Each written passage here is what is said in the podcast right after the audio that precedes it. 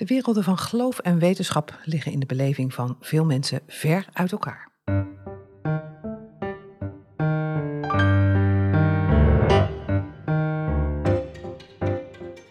De Theologie-podcast gaat over wat vandaag speelt in kerk en theologie en wil delen, inspireren en verdiepen. In deze aflevering praten we met Gijsbert van den Brink, auteur van het recent verschenen boek Onderzoek alle dingen, Bijbelstudies over geloof en wetenschap. Gijsbert van den Brink is hoogleraar theologie en wetenschap aan de Vrije Universiteit in Amsterdam. En eerder verscheen van zijn hand onder meer En de aarde bracht voort, christelijk geloof en evolutie. Ook werkte hij mee aan de christelijke dogmatiek en aan het boek Oer, een hervertelling van de schepping. Ja, Gijsbert, je zou het kunnen zeggen, welkom, dat er een, eh, een interesse voor geloof en wetenschap in jouw werk zit, als rode draad. Ja, zeker de laatste, het laatste decennium, denk ik. Uh, iets, iets ruimer genomen. Um, meet af aan was ik ook al veel met andere dingen bezig. Uh, ik was wel een beta op de middelbare school al, zeg maar. Dus, uh, maar ik vond talen ook uh, eigenlijk nog net iets leuker. Dus hmm. ik had nog een gemengd diploma. Uiteindelijk gehaald. En, uh, en waren er toen ook al, op de middelbare school, had je toen af en toe vragen over, over de verhouding geloof-wetenschap? Of nou, kijk, bij ons, ja, dus op de middelbare school, dat was een, zeg maar een reguliere protestants-christelijke school. was het niet echt zo'n issue? Bij de biologielessen kwam het wel eens aan de orde, maar de leraar deed dat heel tactisch, op een hele goede manier, denk ik ook wel, zodat het niet echt heel veel discussie opriep. Uh, en we, we, ook niet echt aan het denken gezet werden. Dat is aan de andere kant natuurlijk. Ja. Dus, uh, dus eigenlijk pas van later daar, vanaf de, de, na de middelbare school ben ik een jaar naar de EVG Hogeschool gegaan. En daar is het echt uh, begonnen, omdat er daar natuurlijk wel een thema van gemaakt ja. werd. Ja, met name schepping en evolutie. Ja, dat was, was echt een belangrijk thema daar. En tot in de grondslag toe, ja. En in je wetenschappelijke werk, wanneer, vanaf wanneer ben je daar zo mee? Ja, dus eigenlijk is het jaar 2009 voor mij een omslagjaar geweest. Dat was, uh, aan de ene kant was dat een Calvijnjaar en ik ben echt een fan van Calvijn. Dus, uh, uh, maar het was ook een Darwinjaar. Dus ik was met, eigenlijk met die beide ging ik toen wat over nadenken. ook wat volgen wat er gebeurde en ook het over schrijven, met name over Calvijn toen. Um, maar ik raakte dan ook betrokken bij ehm, vragen rondom uh, evolutie en geloof, zeg maar. Ja. Ik uh, ben daar vanaf dat moment eigenlijk wat, wat in verdiept. Ben ook betrokken geraakt bij uh, nou, zeg maar gespreksgroepen van um, christenacademici die um, met elkaar wilden nadenken over hoe hun wetenschappelijk werk zich verhoudt tot, tot hun geloof. En daar uh, werden de vragen rondom geloof en evolutie ook steeds meer een focuspunt, zeg maar, ja. waar heel veel aandacht naar, naar, naartoe ging. Omdat het daar natuurlijk spannend werd. Ja, maar wel bijzonder dat dat Calvijnjaar en het Darwinjaar dus samenvielen. Ja, dus, dus Darwin was natuurlijk, zijn Origin of Species is van 1859, dus dat was 150 jaar geleden. En Calvijn werd geboren in 1509, dus dat was toen 500 jaar geleden. Ja, ja. ja maar dat, uit, uit, zeg maar uit dat samenvallen kwam dus wel iets vruchtbaars voort.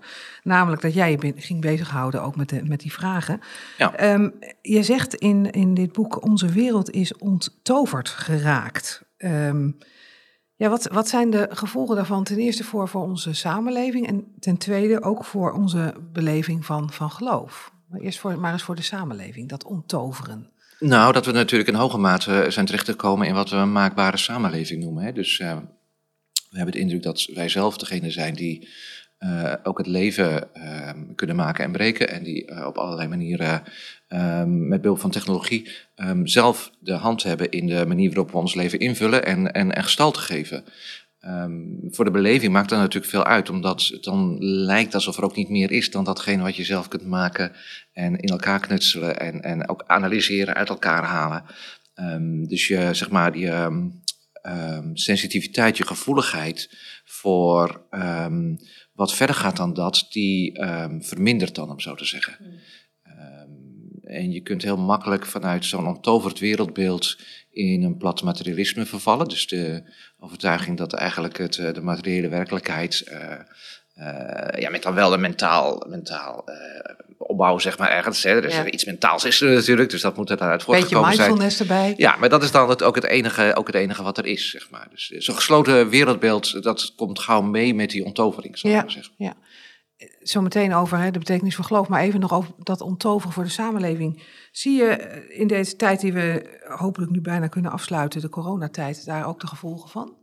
van die onttovering? Ja, op verschillende manieren misschien. Dus enerzijds zie je natuurlijk dat de dus wereldwijd de mensheid enige tijd met de handen in het haar zat. En dat leverde dus ook het besef op, ja, misschien is het niet zo dat wij nee, die maakbaarheid. ja, uiteindelijk alle problemen die we hadden kunnen overwinnen. Dus misschien blijven de laatste pandemie was geloof ik 100 jaar geleden. En we dachten dat komt niet meer. dat hebben we nu wel gehad, hè. Dus dus we werden ook weer even teruggeworpen op de beperkingen van onze, uh, van onze kennen en kunnen. En, en van de maakbaarheid van de, van de wereldwijde samenleving. Uh, aan de andere kant moet je ook zeggen dat natuurlijk de snelheid waarmee wetenschappers een vaccin hebben ontwikkeld ook bewonderenswaardig is. Ja.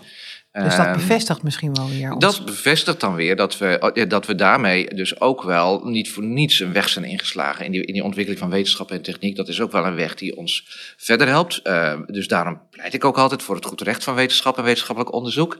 Maar je moet het dus niet overschatten. Je moet niet te snel denken dat we uh, langzaam maar zeker naar een paradijs toe groeien. Dat blijkt dus nu weer in die coronacrisis. Ja, aan de andere kant zou je kunnen zeggen, het blijkt ook dat binnen een jaar hebben we het opgelost. Nou ja, is misschien wat snel, laten we zeggen binnen twee jaar. Dus dat vertrouwen en dat geloof in die technologie is ook nog niet eens onterecht. Nee, dus we kunnen veel, maar het is zeer de vraag. Uh, kijk, dus ik zie het ook een beetje zo dat de natuur terugslaat. Zo'n virus die, die, die uh, voelt zich ook wel, zeg maar, met mensvorm gesproken dan bedreigd door, door dat, al dat menselijk handelen. Maar die, die, die weet toch een weg te vinden om terug te slaan. En dat kan in de toekomst blijven gebeuren. Ja. Ik bedoel, we zijn hier echt nog niet vanaf. zeker niet als je het wat groter bekijkt. Hè. Dus dit, dit ene coronavirus kan misschien bestreden of eh, effectief bestreden worden. Maar wat komt er allemaal nog achterweg? Ja. Wat betekent die onttovering voor de manier waarop wij ons geloof beleven?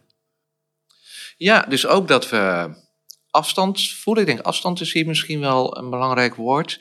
Tot ehm, de geestelijke wereld waar onze voorouders uh, toch een directer contact mee hadden. Uh, waar ze zich meer in opgenomen voelden. ze beleefden hun leven in termen van het handelen van God.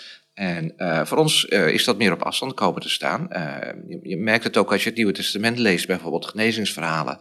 Ehm, dan, dan is er altijd een soort idee van ja, maar waarom gebeurde dat toen wel en nu niet? En hoe, hoe, hoe zit dat dan precies? En waarom beleven wij uh, dit soort dingen niet op zo'n directe manier dat er duivelen uitgeworpen worden. Dat gebeurt natuurlijk hier en daar wel, maar dat is het Nieuwe Testament strijk en zet. En uh, dat roept dus een ander wereldbeeld op dan dat wat wij nu hebben. En die, die, die, afstand is er dan toch gekomen. Ja, dus dan gaan we de Bijbel misschien meer lezen als een soort sprookjesboek uit het verleden, zou je kunnen zeggen. Ja, dan vul je het meteen wel weer negatief in. Dus ja, dus ik denk dat. Expres. Ja, dat is goed hoor. Maar ik denk dat veel mensen dat niet eens zo direct willen.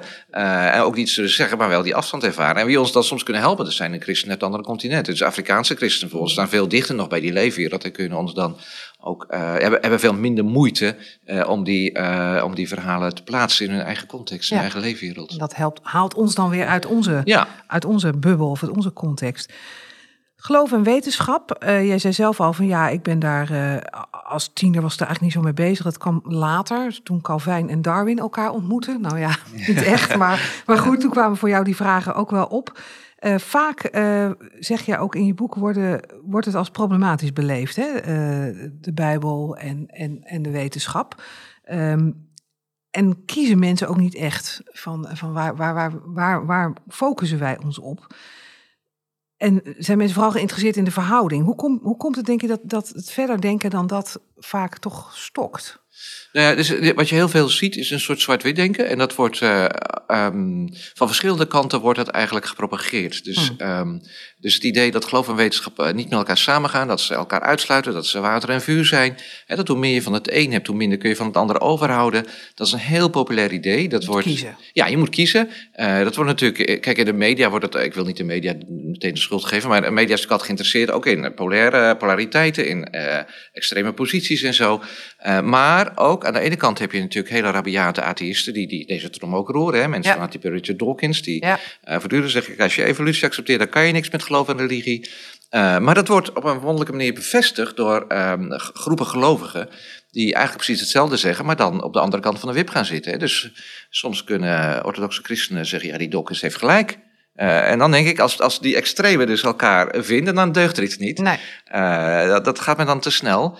Um, dus dus ik, ik verzet me juist tegen dat idee dat geloof en wetenschap elkaar uitsluiten. Ik denk dat ze samen kunnen gaan. Ik ontken niet dat er problemen zijn. Hmm. Ik, dus ik, ik, doe niet alsof het allemaal heel uh, makkelijk is. Nee. En, uh, ik denk, er zijn, het zijn echt serieuze problemen. Maar het atheïsme heeft ook problemen met bepaalde wetenschappelijke vondsten en ontdekkingen. Mm -hmm. uh, dus, dus, dus dat is niet zo dat dat per se ten nadele van het geloof is. Nee, maar je zegt dus eigenlijk is het, het is een soort zoektocht. Ja. Oh, en, en, en het is te makkelijk om te zeggen of het een of het ander, maar die zoektocht werpt ook vragen op. Nou, wat jij nu doet in jouw nieuwe boek, eigenlijk een soort voortbeduren op je vorige boek, hè, De aarde bracht en de aarde bracht voort, is dat je de Bijbel induikt om te kijken naar thema's, uh, ja, naar, naar wat de Bijbel zegt over, over geloof en Ja. wetenschap.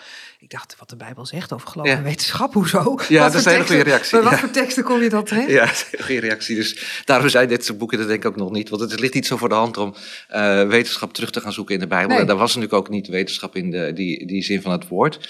Al kun je wel zeggen dat zeg maar, hele belangrijke Bijbelse grondlijnen van grote invloed zijn geweest uiteindelijk in eh, het ontstaan van de moderne natuurwetenschap. Ehm, dus de afstand is ook niet zo heel groot. Het is ook niet zo heel vreemd dat eh, de hedendaagse wetenschap juist in een christelijk Europa tot ontwikkeling kwam. Hè? Dus, ehm, en, en niet in ja, China of eh, eh, bij de Inca's, laat ik maar zeggen. Ho- ho- hoewel daar ook geweldige dingen gebeurden, er is toch deze manier van omgaan met de werkelijkheid gevoed door, door joods-christelijke beseffen, denk Ja. ik. Maar wetenschap zelf komt natuurlijk in de Bijbel niet voor. Maar ehm, wel zaken die in de wetenschap een rol spelen, die bij de wetenschappelijke houding van belang zijn. Dus ik, heb een, ik ben begonnen met een tekst uit het Spreukenboek, eh, wat natuurlijk ook een soort algemenere literatuur is. Ik bedoel, Ja. die spreuken vind je ook in Egypte, wijsheid. is wijsheid. En ehm, heeft een wat algemenere strekking, maar eh, als je spreuken 1, dus daar begint het mee, dan leest, er worden allerlei deugden genoemd. En ehm, nou ja, die kan je dan leggen naast wat ook in de wetenschap als belangrijke waarden gezien worden. En dat blijkt voor een groot deel met elkaar overeen te komen. Zaken als luisterbereidheid, opmerkzaamheid. Eh, nou, die bespreek ik dan en laat ik zien hoe dat in de Bijbel ligt. Ik zeg natuurlijk, dat is niet zo dat het dan alleen in de wetenschap aan de orde is. Het zijn een soort basishoudingen die je beschrijft. Precies, ja, Ja. een soort basishouding. En daarmee wil ik laten zien, ja, maar zo gek is het ook weer niet om als gelovigen eh, enthousiast te zijn over wetenschap of, of die wetenschappelijke methode eh, te beoefenen in je, in je werk. En dus wat mij bezighoudt is dat die werelden eh, vaak te ver uit elkaar liggen, waardoor het voor gelovigen erg moeilijk is om eh, een omgang met Bijbel en geloof te verbinden met hun wetenschappelijk werk. Dat kan ook een afschrikkend, afschrikkende werking hebben. Dus dat gelovigen denken, nou, daar ga ik maar niet de wetenschap in, want dat is zo'n vreemde wereld. En dat probeer ik met dit boekje juist tegen te gaan. Ja, nou, we gaan daar zo meteen ook nog wat dieper op in. We gaan eerst naar de boekenrubriek. In de boekenrubriek eh, vandaag Andries Knevel met een, eh, een boek van een, een Britse theoloog. Wat heb je meegenomen, Andries? Het boek heet Het Raadsel van God, geschreven door Alistair McGrath. En Alistair McGrath is de man die al 40 jaar Nederlandse eh, theologen en gelovigen inspireert op het terrein van geloof en wetenschap. Hij heeft zijn memoires geschreven, althans memoires op dit onderdeel alleen. Het, is niet, het zijn niet de memoires over het hele leven, maar wel hoe hij de afgelopen 40 jaar getheologiseerd heeft op geloof en wetenschap. Het gaat ook over zijn bekering. Hè. Hij was een atheïst, hij was marxist en hij is eh, christen geworden. Nou, die hele levensloop met name gefocust op hoe gaat een gelovige met wetenschap om. Dat staat in dit fantastisch mooie, heerlijk leesbare boek. Oké, dus je Ja. bent er wel heel enthousiast Ik over. ben ontzettend enthousiast over, over, over dit boek, omdat hij ook laat zien hoe kan het nou dat een atheïst en een marxist christen wordt. Eh, welke problemen kom je dan tegen? En natuurlijk het thema geloof en wetenschap is een thema wat mij erg eh, boeit eh, al jaren. En ja, waarin hij Mhm. eigenlijk toonaangevende theoloog is geweest, eh, die heel veel mensen ook in Nederland, hij kwam verder in Nederland, hè, heeft geïnspireerd. Ja, wat, is er ook nog iets in zijn boek waar jij, waar jij verder mee komt? Wat jou Nou, helpt in ja, die discussie? Ja, de ontwikkeling bij hem de laatste jaren is dat hij was heel sterk in het, in het debat met Richard Dawkins, Christopher Hitchens, hè, de grote atheïsten, op argumenten. En ik bespeurde al de laatste jaren bij hem een lichte kentering in zijn boeken, dat hij zegt, nou, die argumenten, ze zijn belangrijk, maar ik heb gemerkt dat dat toch uiteindelijk niet zo werkt. Dus het gaat mij veel meer om het narratief, die woord, theologisch woord, modewoord, het narratief. Laten we het, het grote verhaal van Jezus maar gaan vertellen en wat minder eh, op de argumenten zitten en wat meer vanuit onze eigen beleving het verhaal vertellen. En dat zie je ook, die ontwikkeling die zet zich ook door in, in dit boek. Ik vind het een boeiende ontwikkeling in de hele apologetiek. Dus een beetje vanuit de discussiestand wat meer naar, ja, je kan zeggen met een heel klassiek woord, wat meer weer naar het getuigenis gaan. Nou, dat zie ik ook Ja. in dit boek. Ja, nou, Ja. een aanbeveling om dat dan te gaan lezen. Dankjewel, Andries. Het raadsel van God van Alistair McGrath. Ja, Gijsbert van den Brink, we praten zo verder over onderzoek alle dingen. Maar dat boek van McGrath, interesseert jou dat ook? Ja, zeker. Ja. Dus uh, hij heeft inderdaad heel veel geschreven wat voor mij ook heel inspirerend en nuttig is geweest. Um, ik herken ook wel wat uh, Andries zegt over die lichte kentering naar meer narrativiteiten. Um, maar ik blijf toch ook wel bezig met de, die argumentatieve lijn die er bij hem ook in zit. Omdat het, en ik blijf die belangrijk vinden, omdat ik nog steeds merk dat de hele wetenschappelijke wereld heeft toch een soort impliciete tendens in de richting van materialisme, naturalisme en atheïsme. En dat, dat, is, een, dat is een soort kleed wat daarover ligt. En het is zo moeilijk om, dat, uh, om daar aan te ontkomen. Dus ik, ik, ik ben bijvoorbeeld ook fan van uh, de podcast van uh, Rosanna Herzberger. En in de laatste podcast beschrijft ze hoe dat voor haar zelfs is microbiologe. Ja. en, en columniste natuurlijk en zo. Maar ze, ze beschrijft daar uh, hoe, hoe, voor haarzelf het eigenlijk een soort ontdekking is dat uh, het helemaal niet zo is dat de wetenschap spiritualiteit en geloof en zelfs God uit zou sluiten. Dus, mm. dus ze ontworstelt zich zeg maar daaraan een soort um, manier van denken die, die eigenlijk impliciet in, in de hele loopbaan heeft meegekregen. En uh, het is mooi om dat te zien doen, denk ik. Maar tegelijkertijd denk ik, ja, dus dat zal niet iedereen zo zelfstandig kunnen. Dus we moeten elkaar er ook bij helpen. Dus we moeten wetenschappers ook, ook, ook zeg maar, die vanuit uh, de kerk en met wetenschap bezig zijn, helpen om um, in te zien dat dat materialistische, uh, reductionistische, dus dat alles terugbrengt tot het platte vlak wat je kunt zien, weten en meten. Hè, dat, dat dat een frame is wat je, waar je niet in mee hoeft te gaan. Nee dat dat niet een soort gegeven is waarin je moet opereren, maar dat er ook andere mogelijkheden zijn. Nou ben jij zelf theoloog en, en dus aan, ik neem aan aan jouw faculteit dat dat mogelijk is, nog wel. Uh, maar hoe hou je je dan staande? Ja, nou kijk, uh, maak je niet veel illusies over theologische faculteiten. Oh, nee, die dat, dat is geen paradijs. nou, dat heb ik al altijd gedacht. nou, we voeren daar wel het gesprek natuurlijk over levensbeschouwing. En dat is wat heel belangrijk is, denk ik. Dus dat het op, op zijn minst gethematiseerd wordt. Hoe, hoe uh, levensbeschouwing en geloof zich verhouden tot academisch werk en tot, tot, tot wetenschappelijk onderzoek en zo. dus wat dat betreft zit ik wel op een mooie, op een mooie plek. Ja. Um, Beter dan ergens aan een technische faculteit, denk ik. Ja, hoewel dus technische universiteiten daar zijn, eh, daar is het weer, ligt het weer wat anders. Dus daar zitten naar verhouding ook veel gelovigen. Omdat men daar dus weer meer met de praktische toepassingen bezig is en niet zozeer met het, uh, met, met, het fundamentele onderzoek, uh, is mijn indruk. Ja.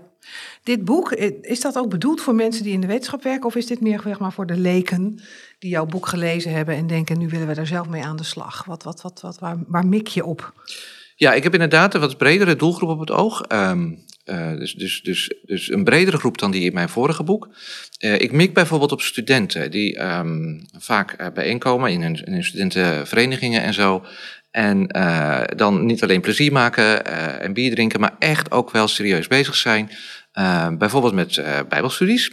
En uh, ik denk, nou, dit is een boekje wat hen zou kunnen helpen om ook onderling in gesprek te komen over vragen rondom hun geloof en hun eigen studie ook ja. bijvoorbeeld. Ja, precies. Want daar zoeken ze misschien ook wel naar. Van, uh... Ja, daar, in elk geval hebben ze daar, denk ik, kunnen ze handvatten daarbij uh, gebruiken. Hoe, hoe, hoe, doen we dat nou? Hoe kunnen we dat gesprek nou voeren?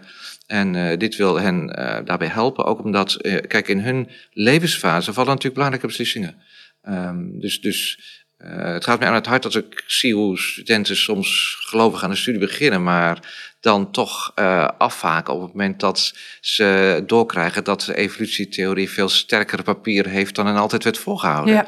En dan denken, oké, dan is dus dat genetische verhaal, daar kan ik dan dus niks meer mee. En dan kan ik dus de Bijbel bij het oud papier zetten. Dat gaat soms heel snel. Mm -hmm. En uh, ja, daar wil ik graag bij zijn, zeg maar. Ja, want dat is ook eigenlijk wat, wat je net ook al beschreef, dat dwingende frame van het materialistische denken is dan zo sterk voor studenten ook uh, dat ze dat eigenlijk niet kunnen weerstaan. Nee, zeker niet dat het van beide kanten gevoerd wordt. Dus niet alleen door de universiteit. Want universiteiten zijn ook best wel open-minded uh, uh, en weten ook wel in principe hoe, hoe ze op een goede manier om kunnen gaan met studenten van verschillende geloofsovertuigingen. Mm -hmm. Dat is een belangrijke waarde tegenwoordig op de universiteiten.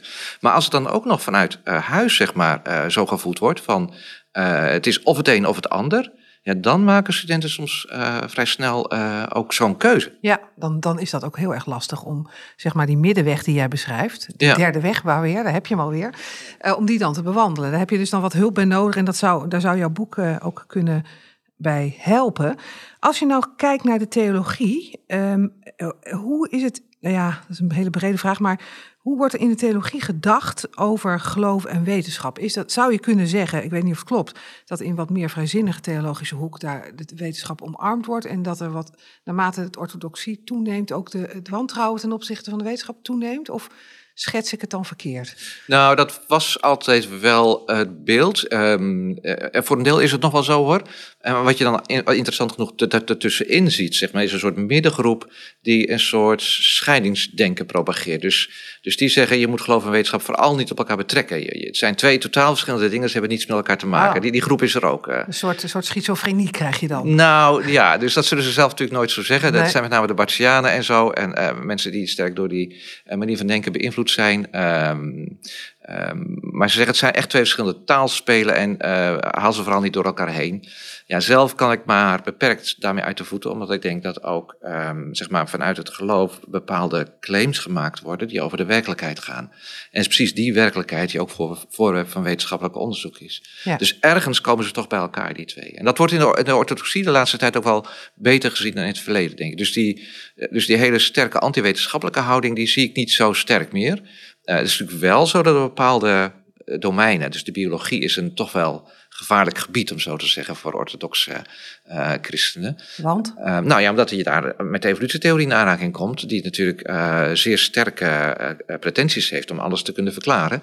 Um, dus dus da daar zit wel wantrouwen, maar naar wetenschap in het algemeen zie ik dat niet zo meer. Nee, nee dus daar, daar, daar, daar is ruimte dan voor. die, die groep die je ook beschreef, zeg maar, laten we ze even gemakshalve de Bartianen noemen is die nog altijd aanwezig of, of verliest die langzamerhand terrein, zou je kunnen zeggen, omdat het ook niet meer houdbaar is misschien? Ja, dat laatste zou ik niet zo helemaal willen zeggen, omdat het, eh, ik lees ze ook wel graag nog, maar je ziet wel dat ze invloed verliezen. Dus dat jongeren, eh, zo gaat het dan meestal, dus jongere mensen die uh, het stokje overnemen, die voelen toch meer voor wat we dan noemen dialoogmodel of het overlapmodel. Dat er toch wel meer contact is en meer wisselwerking is tussen geloof en wetenschap dan deze strakke Bartiaanse denkers voorstaan. Ja, dat uh, die, die strenge scheiding dan ook niet meer werkt. Ja. Um, je kunt er bij Bart precies aanwijzen, ergens in staan, wanneer hij over de schepping gaat spreken, dan laat hij daar een bladzijde aan vooraf gaan. Het is een heel dik boek. En dan zegt hij, ik heb lang geaarzeld, moet ik nu ook over de vragen, op de vragen van schepping en wetenschap en evolutie ingaan. En ik heb besloten, dat hoort hier niet thuis. Uh, dus dat is uh, iets anders dan wat theologie is. Dus ik ga nu verder zonder me daar iets aan gelegen te laten liggen. Maar zegt hij erbij, ik voorspel dat anderen dat weer anders gaan doen na mij. Oké, okay, dus en dat, dat is ook gebeurd. Ja, ja, dat, ja, want je moet natuurlijk ook wel zeggen, Karl Barth schreef natuurlijk, uh, ja, in, in een tijd waarin de technologie een, natuurlijk een andere vorm had dan in onze tijd. Ja, maar men was er toen wel zeer van onder de indruk. Dus, uh, dus men, trok er ook toen al vergaande consequenties uit. Dus een collega van Bart, uh, zeker meneer Boeltman, Rudolf Boeltman, uh, die nog radicaler op deze broederscheidingslijn zat, zeg maar, die heeft zelfs een beroemde quote dat ehm, sinds, sinds wij de radio hebben, kunnen wij niet meer in de geestenwereld van het Nieuwe Testament geloven. Oh, de radio was de boosdoener al. ja, ja, ja, ja. ja. en, en, natuurlijk, je had, er, had, er was technologie. Je had bijvoorbeeld natuurlijk in de, in de Tweede Wereldoorlog ook de ontwikkeling van de atoombom. Die natuurlijk ja. in, invloed heeft gehad, ook op, het, ook op het theologische denken natuurlijk. De holocaust, nou ja, noem maar op. Uh, technologie die daarbij bij werd gebruikt. Maar je zou misschien kunnen zeggen, uh, maar je moet maar zeggen als je het niet mee eens bent, deze tijd, in deze tijd is de theologie of de, de technologie onontkoombaar. Het dringt zich zo aan ons op. Ja. En misschien met elke generatie wel meer. Ja. Dat maakt de vragen die jij behandelt, denk ik, wel wat urgenter dan 50 eh, jaar geleden. Voel je dat ook zo? Ja, we zijn natuurlijk helemaal omgeven door uh, technologie op allerlei manieren. En het is. Uh, kijk, het lastige is dat je, je. Je kunt het makkelijk afwijzen, maar je kunt er veel moeilijker aan ontkomen. Dus het is ook. Het heeft in Januskop, heeft het altijd al gehad, hè, twee, twee gezichten. Dus het, het, het, helpt ons ook. En dat moeten we ook serieus nemen. Dus ik ben niet zo'n uh, pessimist dat ik denk dat daar een enorme uh, cultuurverlies gepaard gaat met het gebruik van technologie. Hè. Dus het heeft natuurlijk ook heel veel goede kanten. Denk alleen maar aan de medische ontwikkelingen um, uh, van, van de laatste eeuwen. Um, maar het heeft evident ook negatieve kanten. En ja. daar moeten we, ons, we, we, moeten ons daarvan bewust zijn. En, en ook um, nadenken, zeker ook in christelijke gemeenschappen, over hoe we daar adequaat mee om willen gaan. En ja. dat wordt steeds moeilijker. Ja, want uh, jij reikt dan nu een Bijbelstudieboek aan. Wat, wat wil je meegeven als het gaat om die technologie? Je zegt zelf al van, ja, afwijzen dat kan niet. We zitten er middenin. Er zitten ook goede kanten aan, maar, maar het heeft ook wel degelijk invloed op ons. Al is het al maar in ons denken. Van hoe kunnen wij, als we nu de Bijbel openslaan en inderdaad verhalen lezen van Jezus die mensen geneest of duivels die worden uitgedreven. Of een belofte van een toekomst. Hoe kunnen we dat nog geloven? Als we zo getekend zijn, nou dat is negatief, maar zo doordrenkt zijn van die technologie. Wat geef je mee aan handvatten om, dat, om daarmee om te gaan? Nou ja, dus door toch de beperktheid van die technologie te laten zien. Ik bedoel, het zijn hulpmiddelen en uh, meer, meer stelt het ook niet voor uiteindelijk. Um, en wat voor mij belangrijk is, dus om bijvoorbeeld over die toekomst uh, heb je het nu. Dus, dus er zijn ook allerlei toekomstscenario's in de kosmologie. En die um, zijn totaal anders dan wat je in de Bijbel leest over um, het koninkrijk van God dat komt. Uh, ja. Integendeel, het gaat natuurlijk allemaal niet goed met het uh, heelal. Het duurt gelukkig allemaal nog even. ja, maar we horen wel steeds, nou, over zoveel jaar dan... Ja, ja, ja, ja dan is er ofwel de hittedood ofwel de koude dood. Ja, heel aantrekkelijk allebei. Ja, ja, ja. Dus, dus ik, in een van de hoofdstukken ga, leg ik dus die twee scenario's naast elkaar en probeer ik te peilen hoe ze zich tot elkaar verhouden. En concludeer ik ja, dat die kosmologen best gelijk zullen hebben, maar dat het helemaal niet uitsluit hè, dat uh, voordat het zover is, uh, God zijn koninkrijk komt vestigen. Dat het, de beloften die ons gegeven zijn, waargemaakt worden. Nou, je voelt meteen met dat ik dit zo zeg, dat zijn echt twee weer verschillende werelden. Hè? Ja. En toch wil ik ze naast elkaar laten staan, wil ik ze op elkaar betrekken.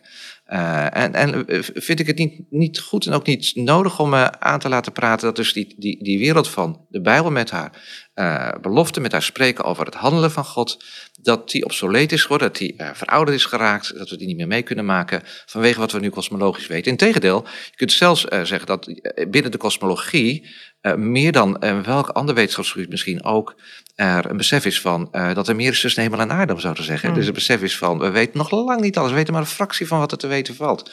En er is zoveel meer mogelijk dan wij uh, denken. Ja. Uh, dus juist daar is een besef van transcendentie nooit ver weg. En jij zegt van, ik, ik, ik wil niet aanvaarden dat die twee niet met, bij elkaar zouden kunnen horen. Is het voor jou zelf een worsteling? Nou, bij momenten natuurlijk wel. Kijk, je, je bent, ik ben ook kind van mijn tijd, dus ik deel ook in dat, uh, zeker als academicus, ook in dat uh, frame van, uh, waarbij je natuurlijk in eerste instantie zoekt naar natuurlijke verklaringen van, van allerlei gebeurtenissen, factoren. Dat, dat, daar zijn we mee, mee groot geworden, om mhm. zo te zeggen. Dus dat betekent dat als ik bijbelverhalen lees, ik soms ook denk van, hé, hey, wat gebeurt hier precies en hoe kan, ik dat, hoe kan ik dat rijmen en wat moet ik daarvan denken ja. en zo.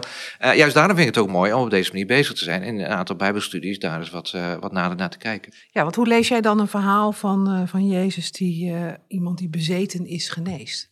Ja, het hangt er dan wel dus, vanaf van welk verhaal het precies is. Omdat mhm. die verhalen onderling ook nog weer op een interessante manier van elkaar verschillen. Dus soms gaat bezetenheid samen met lichamelijke aandoening. Ja. Uh, maar soms ook met een psychische aandoening. Soms kunnen wij het thuis brengen in de zin van, nou dat zouden we dus nu epilepsie noemen bijvoorbeeld. Hè? Uh, maar destijds, en dan mag je denk ik ook zeggen, want dat hoort bij het wereldbeeld van destijds, om daar een demonische bezetenheid ja. uh, in te zien. En ons wereldbeeld is anders. Dat geeft ook helemaal niet, want we kunnen de strekking van zo'n bijbelgedeelte echt nog wel tot ons door laten dringen en meemaken. als we verdisconteren dat het wereldbeeld veranderd is. Ja.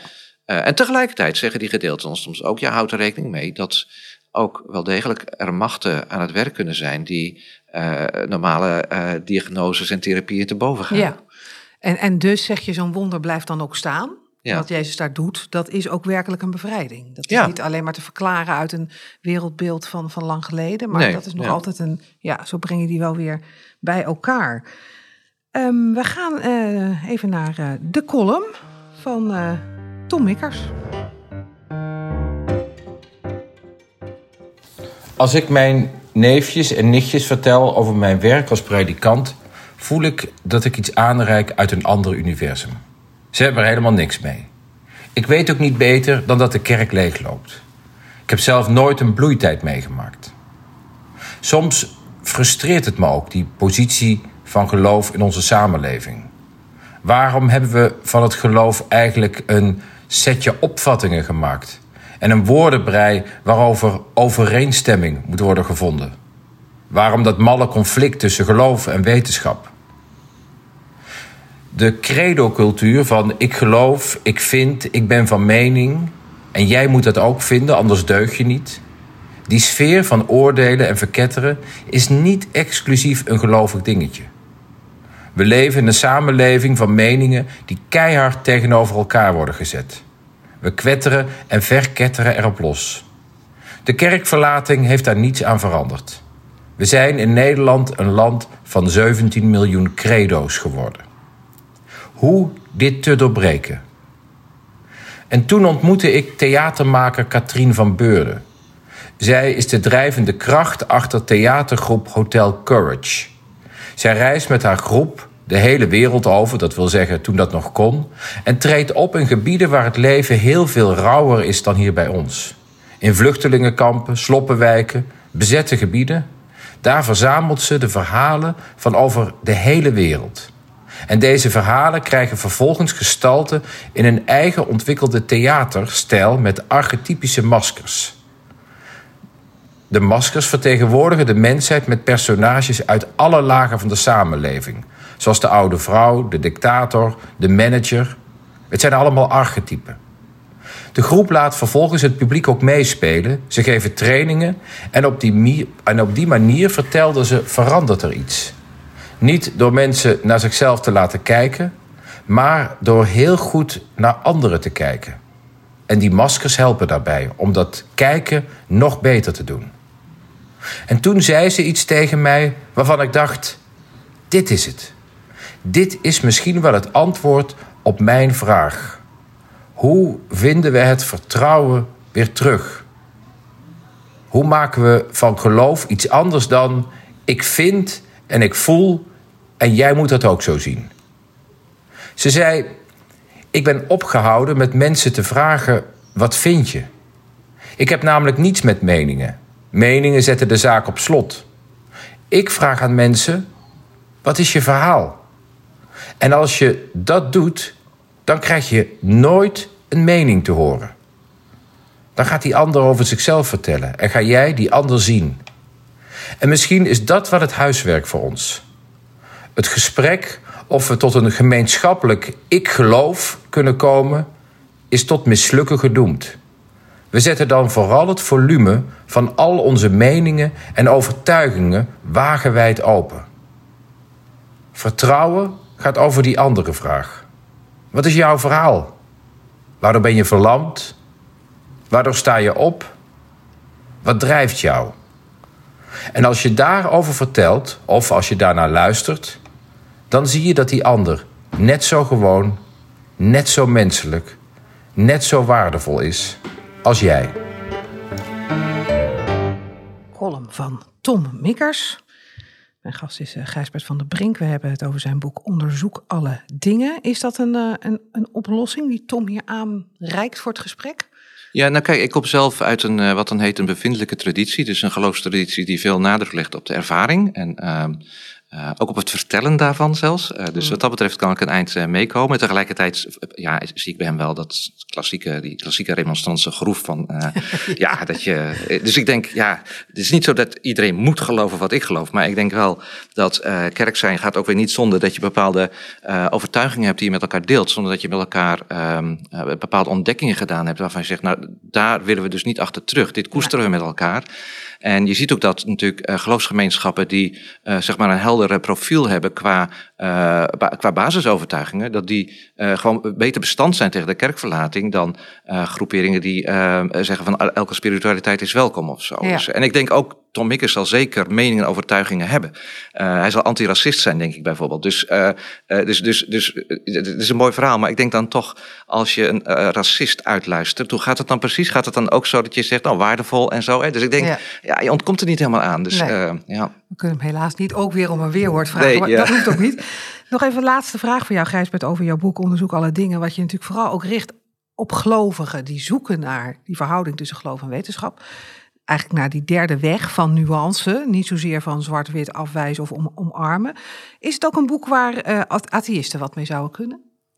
Ja, dat hangt natuurlijk vanaf. Daar moet je dus wel een zekere openheid hebben. Dus uh, kijk, kijk, ook atheïsten heb je soort en maat. Hè? Dus, ja. uh, en echt hele harde atheïsten zijn er eigenlijk helemaal niet zoveel. Uh, dus, dus mensen die, die, die echt, daar is ook wel een zekere moed voor nodig. Om echt te leven met het idee van, nou, dit is dus het enige wat er is. En ja. hier moet het mee doen. En dus, dus de, het idee dat er toch wel ergens iets zal zijn, is eigenlijk veel populairder. Hè? Ik zou denken, als je atheïst bent, dan moet je wel openheid hebben. Om te overwegen dat je eigen wereldbeeld misschien ook weer niet het laatste woord heeft. Maar dat het mogelijk is Um, dat er inderdaad meer te vinden is. En uh, dan, dan, dan, dan zou je aan zo'n boek wel het een en ander kunnen hebben. Ja, dus aanbevolen voor christenen en atheïsten.